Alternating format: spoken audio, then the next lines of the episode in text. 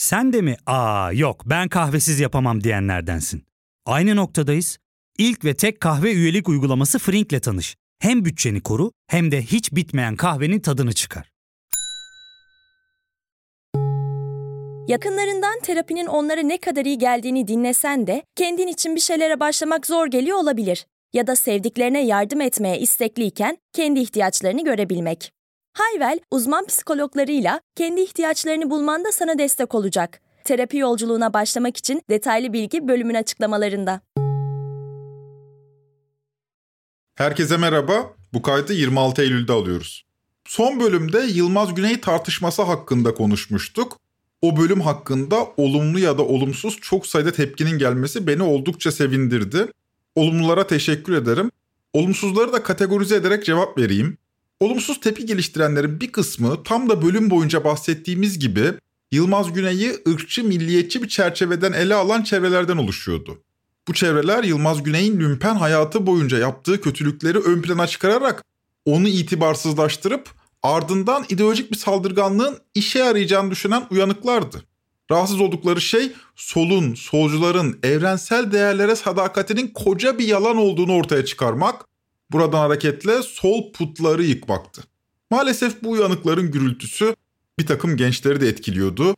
Biraz da bu nedenle son Tren Topik bölümünde Yılmaz Güney'e sahip çıkmak gerektiğini düşünmüştüm. İdeolojik bir saplantının içinde debelenen çevrelere anlatacak lafımız yok ama en azından bu saplantıya zihnini teslim etmemiş gençler Yılmaz Güney'deki dönüşümü objektif biçimde görmelilerdi. Nitekim gazeteci İrfan Aktan da Halk TV'de yayınlanan Halk Meydan adlı programda Yılmaz Güney'den bir alıntı yapmış. 1978 yılında Güney Kayseri cezaevinde yatarken onun lümpenlikleri bu sefer sol çevrelerde eleştiri konusu olunca Güney bu eleştirilere cevap vermiş.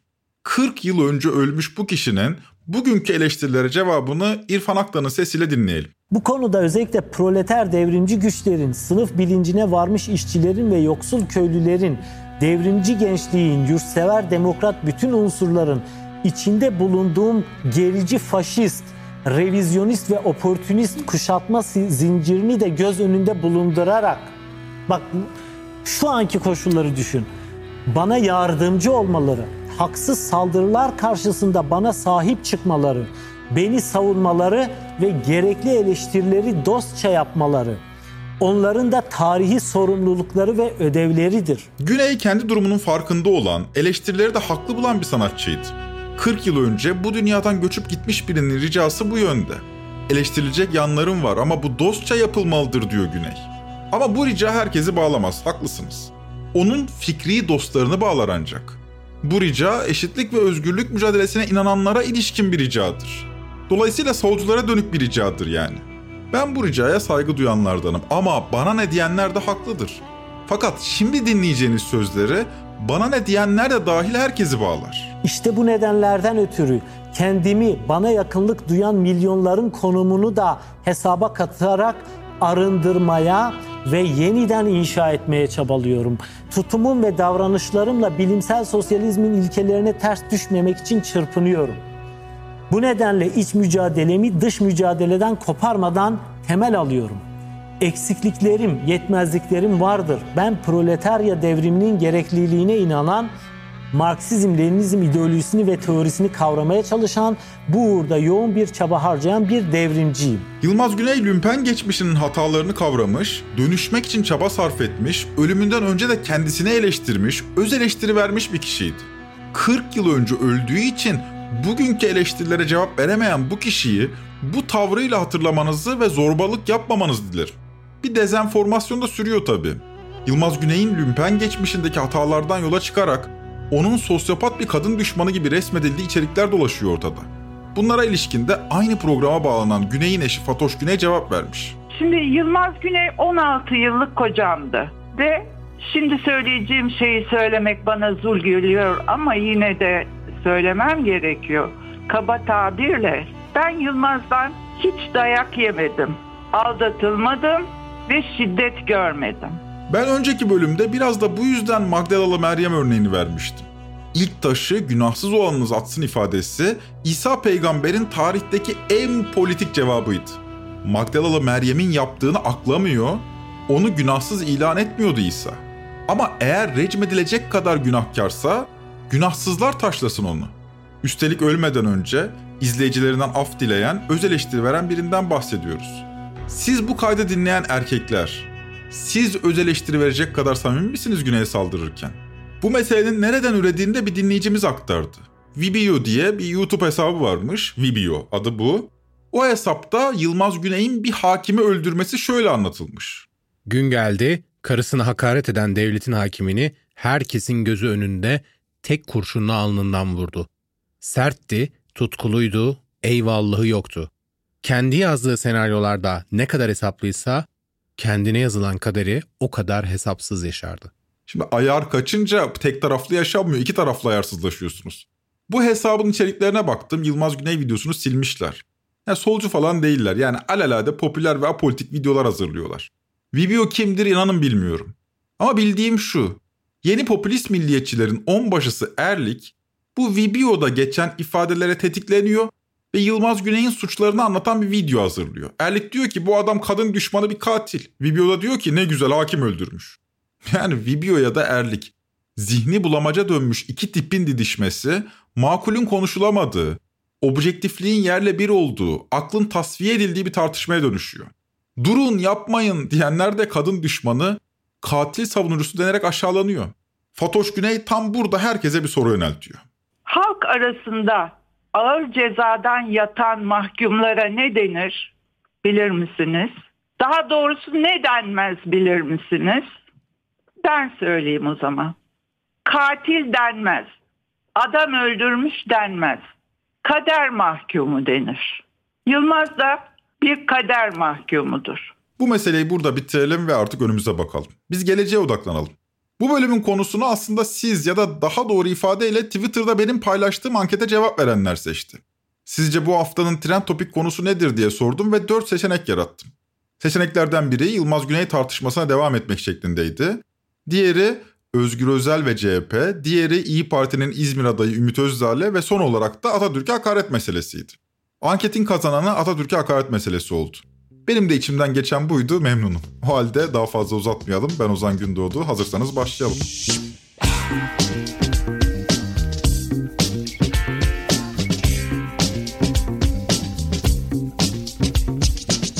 Konumuz Atatürk'e hakaret ama sadece bu başlığı konuşmayacağız. Bunun daha derinine inecek ve Türk milliyetçiliğindeki ortaya çıkan parçalanmayı da konuşacağız. Herhalde görmüşsünüzdür. Marmara İmam Hatip Lisesi öğrencisi Emin Soyyiğit, Atatürk'ün muhtemelen bir ders kitabından koparılmış resmini alıyor ve kasıklarına sürüyor. Kendisi 2006 doğumlu, henüz 17 yaşında. Normal şartlarda adını paylaşmadan konuşmak gerekir ama hemen her yerde adını görebildiğiniz için ben de kişinin adını anmakta bir mahsur görmedim. Görüntü 19 Eylül günü yani bir hafta önce internete düştü. İlk gördüğümde olayın büyüyeceği ayan beyan görülüyordu. Görüntü gerçekten tetikleyiciydi. İkinci kez gördüğümde zaten Zafer Partisi lideri Ümit Özdağ paylaşmıştı görüntüyü. Özdağ, Bu şerefsiz kansız alçağın tutuklanmasını istiyoruz. diyerek tweetine Adalet Bakanlığı'nı etiketlemişti. Kısa süre içinde çocuğun adı, soyadı bulundu. Hemen ardından evinin adres bilgileri sosyal medyada döndürülmeye başlandı. Ailesi okula teşhir edilmeye başlanmıştı. Babanın da İslamcı olduğu keşfedilince cezayı babayı da kesmeye başlamıştık. Küfrün bini bir paraydı. Çocuğun kendisine, ailesine, öğretmenlerine, annesine, babasına dümdüz ettik çocuğu yani. Bazı kullanıcılar çocuğun tutuklanmaması halinde bizzat adrese giderek çocuğu kendi elleriyle cezalandıracaklarını söylüyorlardı. Öfke hat safhadaydı. Emin Soyyiğit tutuklansın hashtag'i trend topik oldu. Küfürde artık geleneksel olanları kenara koymuş, yaratıcı sanat eserleri üretmeye başlamıştık. bir tane şerefsiz anası tarafından doğurulmayıp hacet yoluyla peydahlanmış bir tane şerefsiz alıyor Atatürk resmini olur olmadık yerlerine sürüyor. Bu artık bir moda haline geldi. Sosyal medyada iki günü aşkın şekilde süren bu öfke, itidal çağrısı yapanların da altında kaldıkları bir sele dönüşüyordu. Durun, dinleyin, ince dönüştürmeyin diye söze başlayıp sükunet çağrısı yapanlara ılık götlü, yetmez ama evetçi gibi çeşitli sıfatlar yakıştırılmaya başlandı. Hatta bu duruma bu yumuşak tavırlar yüzünden gelindiği söyleniyordu. Bunu yaparken de aksini iddia edemeyeceğimiz tek bir ifade sıkça paylaşılıyordu. Neydi o? Atatürk kırmızı çizgimizdir. Fakat öfkenin tüm bağlamlardan koparılarak tehlikeli bir noktaya gidişini izleyip endişelenen isimler de oldu. Aslında adıyla sanıyla şöyle meselenin bir adını koyalım. 19 Eylül akşamı memleketin tüm muhalif kesimleri hatta iktidar partilerine oy vermiş pek çok insan tetiklenmişti. Ben bu tetiklenme ifadesi üzerine konuşmayı planlarken muhalif paylaşımlarıyla dikkat çeken Atatürkçü bir Instagram profili Onur Babacan dikkatimi çekti. O da durumu şöyle yorumlamış sayfasında. Bir gün dindarlar tetikleniyor, öbür gün Atatürkçüler tetikleniyor. Tetik manyağı olduk. Herkes biri bir şey yapsa da tetiklensem diye tetikte bekliyor. Bugün de Anadolu İmam Hatip Lisesi'nden 17 yaşında bir öğrencinin Atatürk'ün posterine yaptığı hareket infial yarattı. Atatürkçüler büyük bir linç kampanyası başlattı. Çocuğun ev adresine kadar tüm bilgilerini paylaştı. Ya siz rahatsız mısınız? Biri gitsin çocuğa zarar mı versin istiyorsunuz? AK Parti devletin tüm imkanlarını kullanmasına rağmen Atatürk düşmanı dindar ve kindar bir nesil yaratamıyor. Onu bile beceremiyorlar. Keşke becerselerdi de çektiğimiz eziyetin adını koysaydık. İddia ediyorum İmam Hatiplerden Atatürk düşmanından çok Atatürkçü çıkıyordur. Atatürkçülüğe en büyük zararı salakça bir şey yapan 17 yaşında bir genç değil, otoboka aşırı tepki gösteren aşırı antipatik Atatürkçüler veriyor. Atatürkçülüğe biraz beyleden bu manyaklar yüzünden Atatürk'ten soğuruyor. Tetiklenme. Aynı ifadeyi Onur Babacan da kullandığı için alıntıladım. Babacan şu konuda haklı. Türkiye'de Atatürk sevgisi toplumun geneline yayıldı. Atatürkçü kesimler arada sırada gövde gösterisi yapmayı akılcı buluyor anladığım kadarıyla ama böyle bir gösteriye gerek var mı emin değilim. Yani bu sevgi karşısında bence Atatürkçüler daha özgüvenli olmalı. Burada özgüvenli ifadesinin altını çizelim. Daha fazla özgüvene ihtiyaç var. Yani tedirginlik halinden daha rahat olunmalı. 17 yaşındaki lisenin davranışı üzerinden eğitim sistemini, kindar nesil meselesini falan konuşmak gerekirdi ama bu özgüven işiydi. Bu özgüven burada olmayınca 17 yaşında bir çocukla eşitledi kendisini Atatürkçü gene eş çevreler. Tüm bunları konuşamadık bile. Çünkü yine herkesin yazdığı gibi mesele kutsallara ilişkindi. Atatürk de çoğumuza göre kutsaldı. Burada kutsallık ifadesi Atatürk'ü anlamaya çalışmak yerine Atatürk'e inanmaya dönüşüyor. İşin içinde inanç olduğunda ise akıl tasfiye ediliyor. Dolayısıyla siz bu meselede yani bu liseli genç meselesinde her ne kadar aklı savunursanız savunun sonuç olarak inanan insanlara sesleniyorsunuz. Dolayısıyla bu noktada dinden farksızlaşıyor Atatürkçülük. Neyse meselenin bir boyutu bu. Fakat meseleyi zamanın yarattığı atmosferden ayrı değerlendirirsek doğru bir şey de yapmayız. Çünkü bunca öfkenin arka planına aslında sığınmacı meselesinin Türklük üzerine yarattığı tedirginlik halini de eklemek gerekiyor. 16 Eylül akşamı yani liseli Emin Soyyiğit'in paylaşımının sosyal medyaya düştüğü o videodan 3 gün önce Trabzon'da yaşanan alelade bir olaya devletin verdiği tepki de bu tedirginlik haline haklı çıkaracak cinstendi. Trabzon'da iki Arap turist arasındaki tartışmayı polisler müdahale ederek yatıştırdı. O sırada olay yerinden geçen bir genç ise turistlerin polislere karşı koyduğunu zannederek turistlerden birini tek yumrukla hastanelik etti. Olay ifade tutanaklarına göre de aynen spikerin anlattığı gibi yaşandı. Bana kalırsa basit bir kavga vardı ortada ama Arap basanı meseleyi köpürtmeye başladı. Arap turistlerin göz bebeği Trabzon'da bir turist darp edilmişti ve bu Türkiye'de artan ırkçılığın kanıtı sayılmıştı. Arap basını bu olayı işlemeye başladı. Araplar sosyal medyada Türkiye'ye gitmiyoruz etiketini trend topik yaptılar. Bu olay herkesin gözü önünde yaşandı. Hatta şarkıcı Mustafa Sandal bu boykotun sonuna kadar arkasındayım gelmeyin yazarak Türkiye'ye gitmiyoruz hashtagine sahip çıktı. Devlet ise gerçekten panik atak geçiriyordu. Olay basit bir yumruklu kavgaydı o kadar. Yani büyütecek ne vardı ben de anlamadım. Bu kavga iki Türk arasında yaşansa hatta saldırganın erkek olduğu, saldırıya uğrayanın kadın olduğu iki Türk arasında yaşansa yine tutuklama olmayacaktı. Fakat bu sefer öyle olmadı. Kuvvetli turist hastanede Trabzon valisi tarafından ziyaret edildi. Yumruk atan kişi hemen ertesi gün gözaltına alındı ve tutuklandı. Yetmedi, Trabzon valiliği konuya ilişkin yazılı açıklama yaptı ve şunları söyledi. Trabzonlu hemşerilerimizin hiçbir biçimde tasvip etmediği, Türk ve Trabzon misafirperverliğine yakışmayan bu üzücü münferit olay nedeniyle misafirimize geçmiş olsun dileklerimizi sunuyoruz. Olay bayağı büyümüştü. Halbuki sadece bir yumruktan ibaretti. Elbette devletin takındığı bu tutum da sosyal medyada eleştiri konusu oldu. Biz Arap turistlerin eğlendiği, dilediğini yaptığı bir müstemleke miydik? Arap turistler gelmeyecek diye ulusal onurumuzu bu kadar mı içe saymalıydık? Bunların ardından kuvvetli bir gazeteci yazar Abdülaziz Duvai'nin Twitter'da yazdıkları herkesin sinir uçlarına oynayacak cinstendi. Türk pasaportunun fotoğrafını paylaşan Duvai'yi pasaport için dünyanın en ucuzlarından biri ifadesini kullandı ve sadece buna da kalmadı, devam etti. Bir gün bir Arap'ın Türkiye Cumhurbaşkanı olmasını ve Atatürk'ün heykellerini yıkmasını diledi. Biz ilim ehliyiz, siz vahşi de yazdı. Ardan yaptığı paylaşımda Atatürk'e hakaret etti. Yani 19 Eylül günü gördüğümüz Atatürk resmini kasıklarına süren liseli genç olayından sadece iki gün önce kuvvetli bir yazarın hakaretlerine maruz kalmıştık. Kuvvetli yazar bunları söylerken Cumhurbaşkanı Tayyip Erdoğan da ABD'de gazetecilerin sorularını yanıtlıyordu. Gündem mültecilerdi. Ama ülkemizde ana muhalefet partisinin mültecilere bakışı ne yazık ki çok acımasız. Hatta seçim kampanyasında yani biz seçimi kazandığımız takdirde mültecileri sınır dışı edeceğiz demek suretiyle böyle bir tehdit savun. Biz ise tam aksi.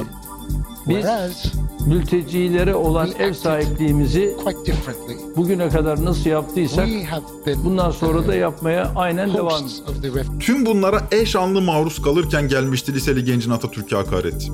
Dolayısıyla bir tür cinnet geçirmiş, tüm öfkemizi bu çocuktan çıkarmıştık. Dediğim gibi öfke kontrolden bu kadar çıkmışken itidal çağrısı yapanlar da linç selinin altında kaldı. Nitekim ertesi gün yani Eylül'ün 20'sinde olay sosyal medyaya düştükten bir gün sonra liseli Emin Soyyiğit tutuklanarak cezaevine gönderildi. Olayın ilk sıcaklığı geçtikten sonra daha salim kafayla düşünenlerin sayısı arttı ve hukukçular devreye girdi. Fakat derken Yeni Şafak gazetesinin de bağlı olduğu Albayrak Medya'nın dergisi Gerçek Hayat İslamcı gazetecilerle bir video çekti. Arap dünyasına seslenilen videoda ümmetçi bir çerçeve çiziliyor ve biz bir millet izleniyordu. Biz Türkler tarihin her devrinde misafirperverliğiyle anılmış ve Müslümanları bağrına basmış bir milletiz. Azınlık bir grubun yaptığı bu ırkçı saldırılar Türk milletini temsil etmiyor. Biz hep birlikte bir halkız. Türküz, Kürdüz, Arabız, Gürcüyüz ve diğerleriyiz. Hepimiz aynı milletin birer parçalarıyız. Bu videonun sosyal medyaya servis edildiği dakikalarda sığınmacı meselesini gündem eden sosyal medya hesaplarına da operasyon düzenlendi.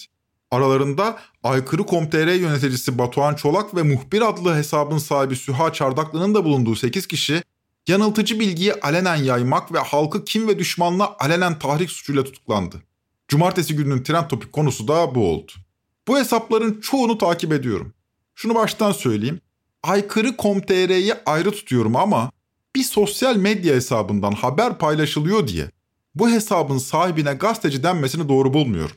Adı sanı belli olmayan, arkasındaki ismin okurlar tarafından bilinmediği, bugün açılıp yarın kapatılsa kimsenin kimseye ne oldu diye soramadığı bir mecrada haber paylaşabilirsiniz ama yaptığınız gazetecilik olmaz. Örneğin Muhbir adlı hesabın sahibini ancak tutuklandığında öğrendik. Buna gazetecilik denemez.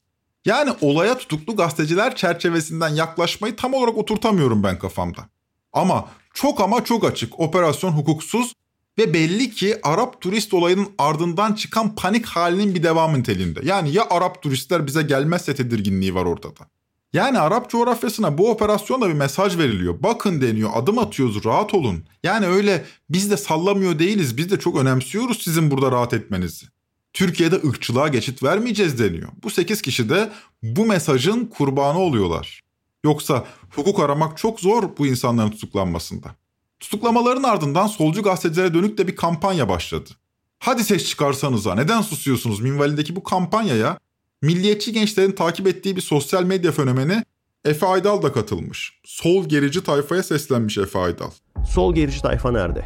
Bugün size yarın bize diyen tayfa nerede? Birkaç tanesi konuşmuş. Yani illa sol gerici olmasına gerek yok da soldan birkaç kişi konuşmuş. Kılıçdarcı tayfadan birkaç kişi konuşmuş. Onları tabii ki ayrı tutuyorum. Onlar tutarlıymışlar. Onlara teşekkür ediyorum bu konuda. Ama konuşmayan insanlar nerede? Bunu bir kere görmüş olduk değil mi? Yani bakın işte bugün bize yarın size falan diyen tayfanın sıra bize geldiği zaman çünkü biliyorsunuz onlardan da çok kişi içeri aldılar. Özellikle işte ne bileyim Öcalan övücü hareketler yaptıkları zaman ya da Türk Silahlı Kuvvetleri ile ilgili bazı iddialarda bulundukları zaman vesaire. E, o zaman da bunu diyorlardı. Bir gözlemimi paylaşayım. Özellikle 15-25 arası genç kuşak kelimenin gerçek anlamıyla söylüyorum. Sola dair hiçbir şey bilmiyor. Hiçbir şeyin altını çizeyim. Bu yayını dinleyen çok sayıda sol görüşlü dinleyici olduğunu biliyorum. Bu arkadaşlara sesleneyim. Ne düşündüğünüzü, anlam dünyanızı, neyi savunduğunuzu genç nesil bilmiyor sevgili arkadaşlar. Biliyorlarmış gibi yapmanın da anlamsız olduğu ortada. Yaşı 30'un üzerinde olanların üst kuşağı 70'leri gördü. Daha büyüklerin üst kuşağı 60'ları gördü. Daha da büyük olanlar zaten bizzat solcuları tanıdı. Ama bugün 30 yaşın altında olan kimse solun, sosyalistlerin ne dediğini tam olarak bilmiyor. Dolayısıyla siz sosyalizmi övdüğünüz zaman milletin aklında başka bir şey canlanıyor. 78 kuşağı artık torun torba sahibi. Genç kuşak içinde solu bildiğini söyleyenler de muhtemelen yanlış biliyor.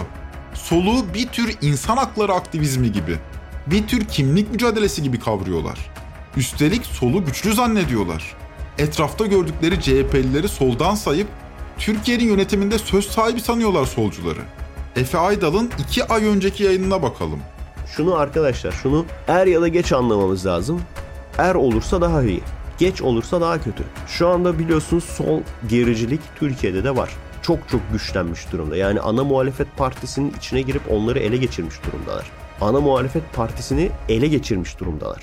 Çok güçlü durumdalar aslında yani. Sevgili gençler sol zannettiğiniz gibi bir şey olmadığı gibi CHP de an itibariyle solcu falan değil.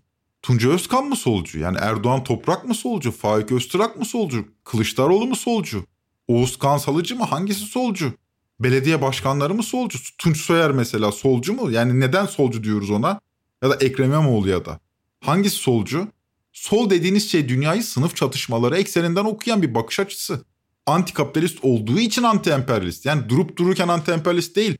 Evvela kapitalizme karşı çıkıyor. Özgürlükçü ama aynı zamanda eşitlikçi de. Siz bu saydığım isimlerin hangi birini bir greve, bir işçi kıyımına, bir sendikal mücadeleye gerçekten destek verirken ya da gerçekten bunlarla mücadele ederken gördünüz? Bu seçimde de Kılıçdaroğlu aday olsun diyenler solcular değildi. Didişmeyi bırakın. Önümüze birini koyun da destekleyelim tavrıydı solun ki. Bundan daha ötesini yapacak gücü de iddiası da yoktu solun. Kendi adıma söylüyorum. Kılıçdaroğlu, İmamoğlu ya da Yavaş. Kim olursa olsun desteklemeye hazırdım. İsterse Akşener olsaydı, isterse Demirtaş olsaydı ya benim için hiç fark etmezdi. Hiçbiri için şu aday olsun bile demedim. Hepsi ama hepsi Erdoğan'ın yeniden kazanmasından daha olumlu sonuçlar doğururdu. Hala da öyle düşünüyorum. Kim olursa olsun siz en iyisini bilirsiniz. Aranızda anlaşın, önümüze kimi koyacaksanız koyun biz de onu destekleyelim. Kılıçdaroğlu mu oldu? Okey. İmamoğlu mu oldu? Ona da okey. Yavaş mı oldu? Ona da okey. Zaten hepsi sola eşit mesafede. Yeter ki bir değişim olsun sonrasına sonra bakarız. Lütfen kendinize bir heyula yaratıp onunla dövüşmeyin. Türkiye'de sol güçlü falan değil. Yani buna da inanmayın lütfen. Burada bir ara verelim isterseniz. Döndüğümüzde bu sığınmacı meselesinin Türkiye'nin milliyetçi cephesinde yarattığı kırılmayı detaylandıracağız. Ya fark ettin mi? Biz en çok kahveye para harcıyoruz. Yok abi, bundan sonra günde bir. Aa, sen Frink kullanmıyor musun? Nasıl yani? Yani kahvenden kısmına gerek yok. Frink'e üye olursan aylık sadece 1200 TL'ye istediğin çeşit kahveyi istediğin kadar içebilirsin. Günlük 40 TL'ye sınırsız kahve mi yani? Çok iyiymiş. Aynen. Hatta şu anda 200 TL'lik bir indirim kodu da var. E hadi hemen indirip üye ol da bu fırsatı kaçırma. Terapiye başlamak, içinden çıkamadığın döngüleri kırmak, bazı yanlış bulduğun kararlarını değiştirmek ve kendinle beraber daha huzurlu bir yaşam inşa etmek için atabileceğin en değerli adımlardan biri. Hayvel ile yoğun yaşam tempona uyum sağlayarak online terapi seanslarını takvimine göre ayarlayabilirsin. Bini aşkın uzmandan sana en uygun terapisti seçebilir, podb10 koduyla indirimden yararlanabilirsin. Detaylı bilgi açıklamalardaki bağlantıda.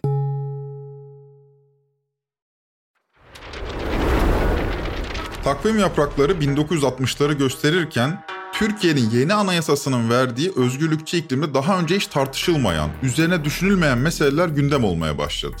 Yıl 1971. Bu tarihte Profesör Fikret Eren, Kurt Karaca Müstehar ismiyle Milliyetçi Türkiye başlıklı bir kitap yayınladı. Bu kitap Alparslan Türkeş'in 9 Işık kitabından sonra milliyetçi çevrelerdeki en muteber kitaplardan biri sayılıyor şu anda. Zaten milliyetçi literatür de öyle pek dolgun sayılmaz. Kurt Karaca her ferdin dünya görüşünü keyfi bir seçimle tercih edemeyeceğini, milli aidiyetinin belirlediği dünya görüşüne kanıyla ve kaderiyle bağlı olduğunu söylüyordu. Yani bir Türk varoluşu gereği solcu olamazdı mesela. Yine bir Türk varoluşu gereği milliyetçi olmak zorundaydı. Milliyetçi olmayan Türkler kanlarına ve kaderlerine ihanet içindeydiler. Adıyla çağıralım. Bir Türk milliyetçi değilse vatan hainiydi. Peki ya İslamcılar? Onlar milliyetçi miydi? Bugünden bakıldığında İslamcı siyaset ümmet temelli bakış açısıyla milliyetçiliğe tezat oluşturuyor. Halbuki bu ezber 1990'lar ve 2010'lar arasında geçerlidir. Milliyetçiler bu zaman diliminin dışında kalan 1950-80 arasında ve tabii ki 2016'dan günümüze kadar İslamcılarla sıkı bir ilişki içindeydiler. Dolayısıyla milliyetçi Türkiye'de Türk aynı zamanda Müslümandır. Milliyetçiliğin İslam'la münasebeti de tartışma konusudur. Önce Türk mü yoksa önce Müslüman mı? Müslüman olmadan Türk olunur mu? Türk'ün İslam'la kurduğu ilişkiyi çok abartarak şair İsmet Özel'in çerçevesine düşebilirsiniz mesela. Bir insan ben Türk'üm diyorsa nereden belli diyorum. Hangi cevap sizi tatmin ediyor? Namaz kılmıyorsa Türk değildir. Türk kimdir? İşte kadim bir soru. Türk namaz kılandır diyor İsmet Özel. Fakat İslam tuzunu yemeğinize hiç koymadığınızda, hiç bir şekilde o tuzu yemeğinize atmadığınızda Nihal Atsız çizgisinde bulursunuz kendinizi. Atsız'ın davetiye şiiri din Arap'ın, hukuk sizin olsun, harp bizimdir der. Duydum ki yelkenleri edip de fora gelecekmiş orduların yeşil bosfora. Buyursunlar bizim için savaş düğündür. Din Arap'ın, hukuk sizin, harp düğündür. İsmet Özel'inki de Nihal Atsız'ınki de çeşitli çerçevelerden milliyetçidir. Birisi doğrudan ırka yaslanıyor, birisi doğrudan dine yaslanıyor.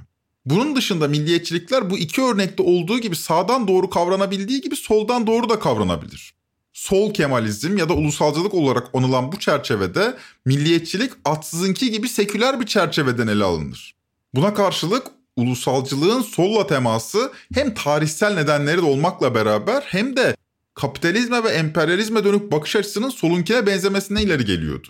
2000'lerde popülerleşen Türk Solu dergisi bu çizginin en yoğunlaşmış haliydi. Keza buradan doğru yükselen Avrasyacılık bize ulusalcılığın hediyesidir denebilir. Daha ziyade 90'ların sonlarından 2000'lerin sonlarına kadar 10 yıl kadar Türkiye'nin siyasetine yön vermiş bu akım Türk Silahlı Kuvvetleri'nin siyasi aradan çekilmesiyle birlikte güç kaybetti. Yeni aydınlar yetiştiremeyen bu hareket ideolojik bilincini giderek kaybetti ve bir tür beyaz Türk neoliberal milliyetçiliğine hapsoldu. Bugün de CHP tabanını oluşturan milyonların milliyetçilik anlayışı budur. Yani bir akılla bilimle kavramadan ziyade bir inanış biçimidir bu. Haluk Levent'in söylediği İzmir Marşı'nda duygusunu bulan bir milliyetçilik. İzmir'in dağlarında çiçekler açar. İzmir'in dağlarında çiçekler açar. Altın güneş orada sırmalar saçar. Altın güneş orada Bu noktada milliyetçilik ile Kemalizm arasındaki çizgi belirsizleşebilir. Yani nerede başlıyor biri, biri nerede bitiyor. Bu ikisini de ayırmak gerekir. Milliyetçilik Kemalizme dolaşık biçimde resmi ideoloji olarak kurumlaştı. Fakat Kemalizm eşittir milliyetçilik demek de doğru değil. Milliyetçilik Kemalizm ile sınırlandırılamayacak kadar geniş bir potansiyele sesleniyordu. Bakın milliyetçiliği daha büyük bir çerçeveden ele almak gerekiyor.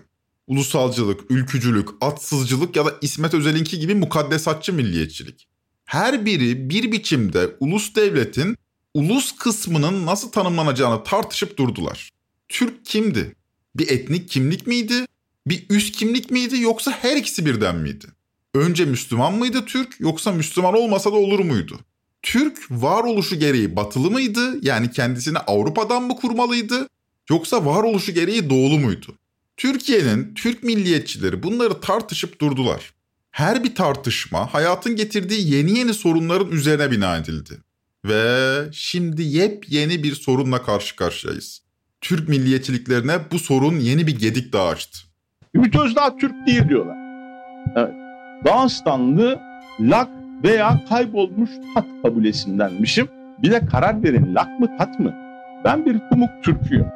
Dağıstan'da birçok halk var ve Türklüğümle de gurur duyuyorum. Türk olmadığını söyleyenleri görmek istiyorsanız siyasette sağınıza solunuza bakın.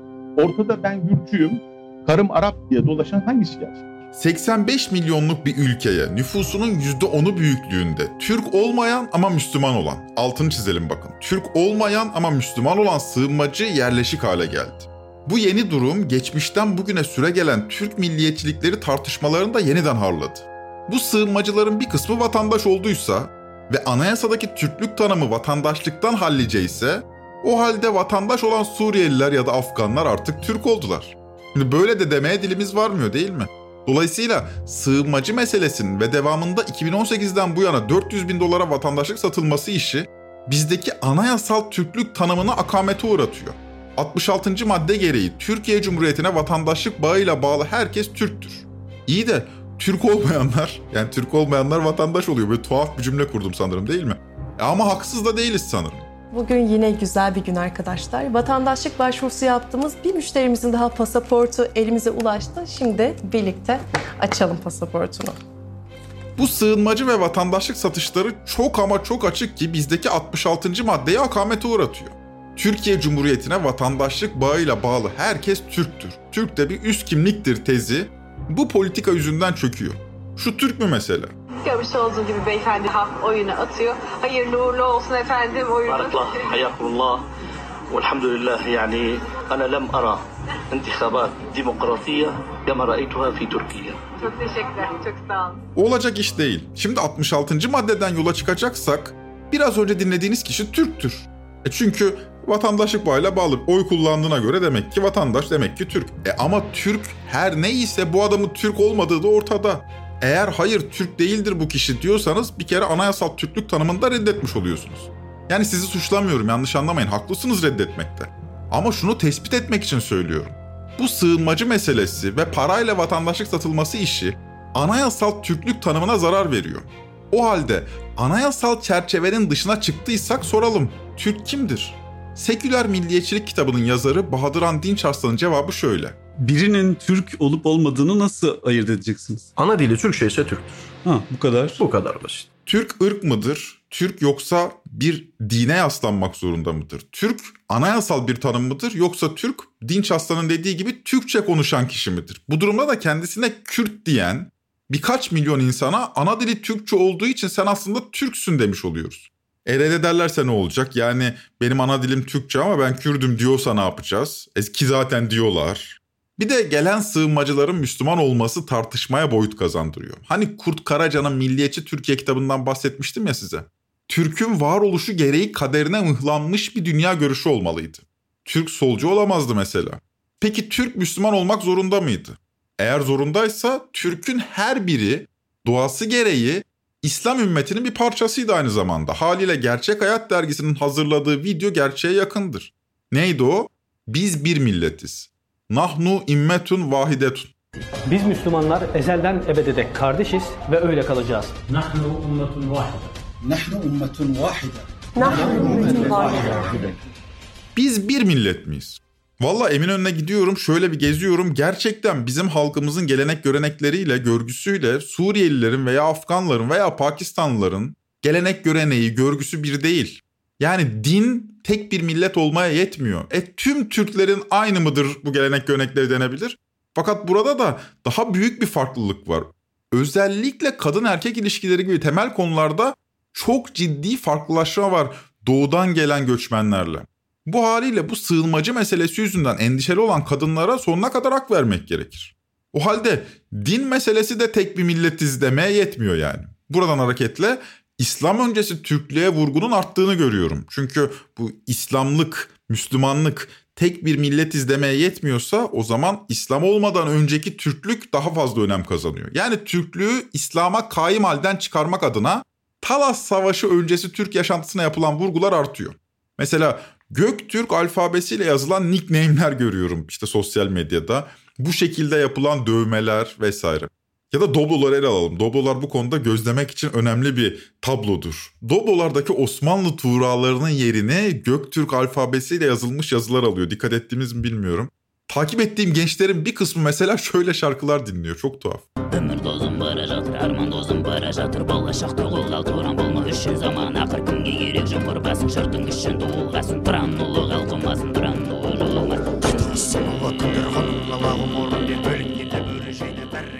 E şimdi burada vurgulanan şeyi anlıyorum da bunun da hakikatle pek ilgisi yok. Yani Talas'tan önceye gidince de az değil en az bin yıl geriye gidiyorsunuz bir de coğrafyayı değiştiriyorsunuz. Yani sadece zamandan ayrılmıyorsunuz zamandan ayrılıp bir de coğrafyanızdan mekandan ayrılıyorsunuz Orta Asya'ya gidiyorsunuz. E zaten bizde yazılı eserler o dönem için çok daha yeni. İslam öncesi Türklüğe ilişkin elimizde hepimizi tatmin edecek böyle bilgi belge yok. Yani Mısır gibi Yunan gibi vesaire değiliz. Fakat dikkat ederseniz deminden beri debelenip duruyoruz. Türk'ün tanımını yapmak da gerçekten çok zor. Neye yaslanacak bu iş? Yani yaptığınız tanımın hakikatle örtüşmesini isterseniz elbette bir şekilde bir tanım yaparsınız ama her birinde boşta kalan bir şey oluyor. Hakikate yeterince yaslanmıyor.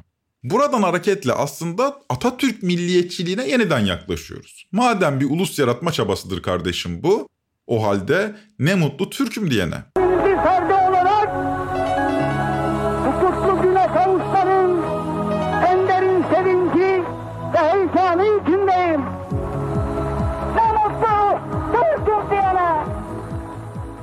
Gerçekten de eğer bu topraklarda bir ulus inşa etme çabanız varsa bu çaba içindeki en demokratik olan, altını tekrar çiziyorum, en demokratik olanı Türk'ü bu şekilde tanımlamaktır. Bakın bu zamana kadar pek çok Türk tanımı yaptık fakat burada başka bir tanım var. Türk kimdir?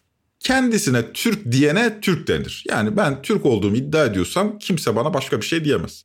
Başka birine de bana kalırsa zorla sen Türksün de dememeliyiz yani. Bunca şeyi neden anlattım? İzah edeyim.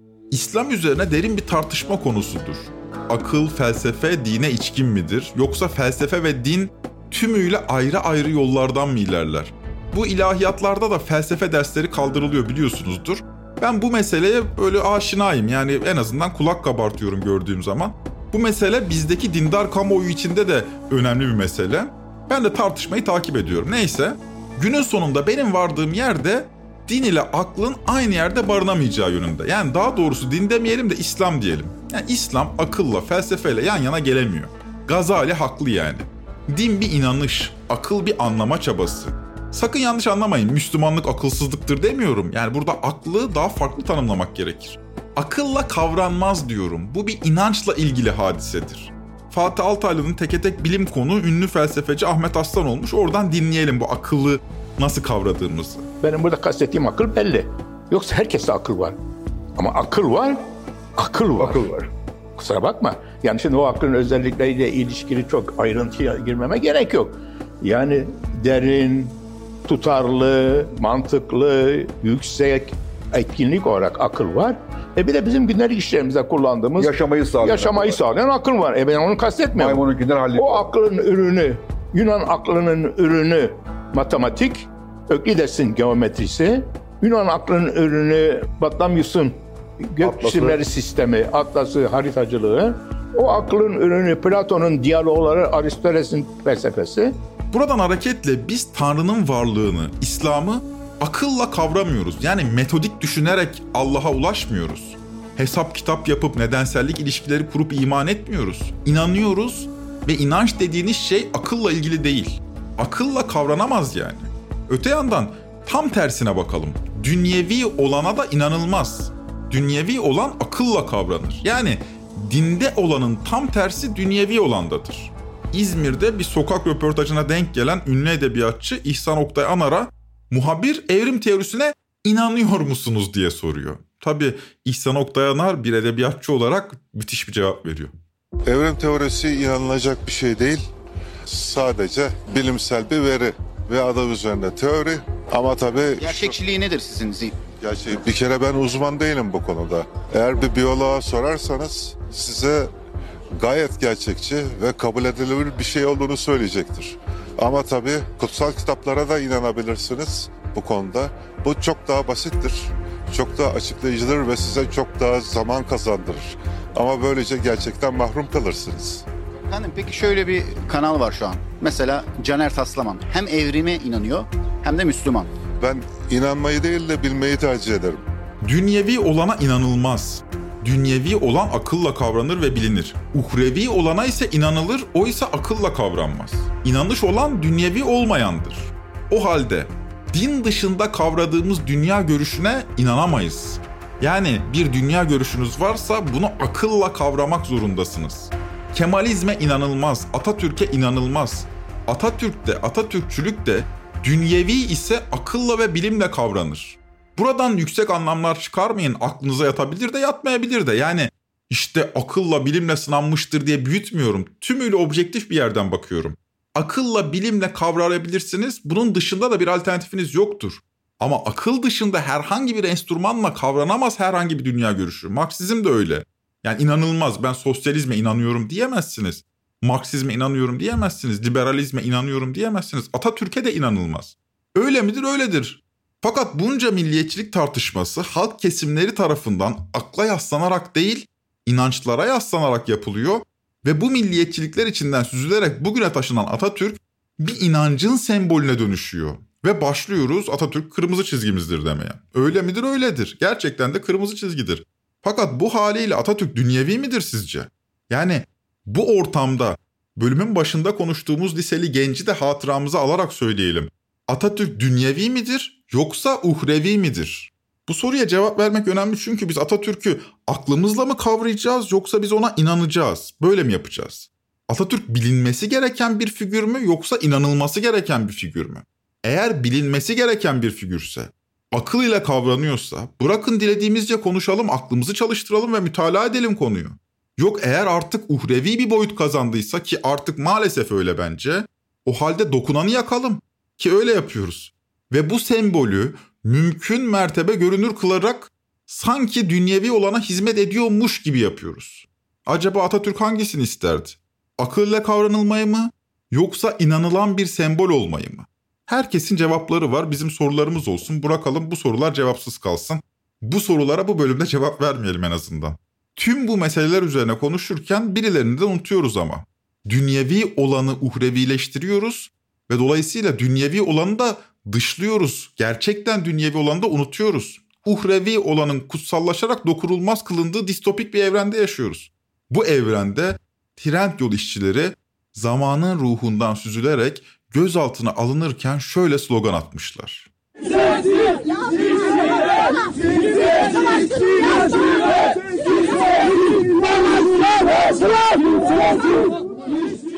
Dünyevi olanı bu dünyada tutun lütfen. Uhrevi olanı buraya, burayı uhrevi olana karıştırmayın.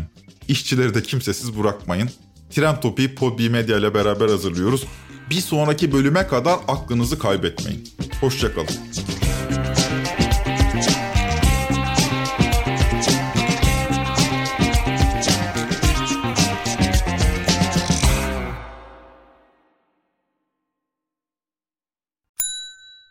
İlk ve tek kahve üyelik uygulaması Frink, 46 ildeki 500'den fazla noktada seni bekliyor.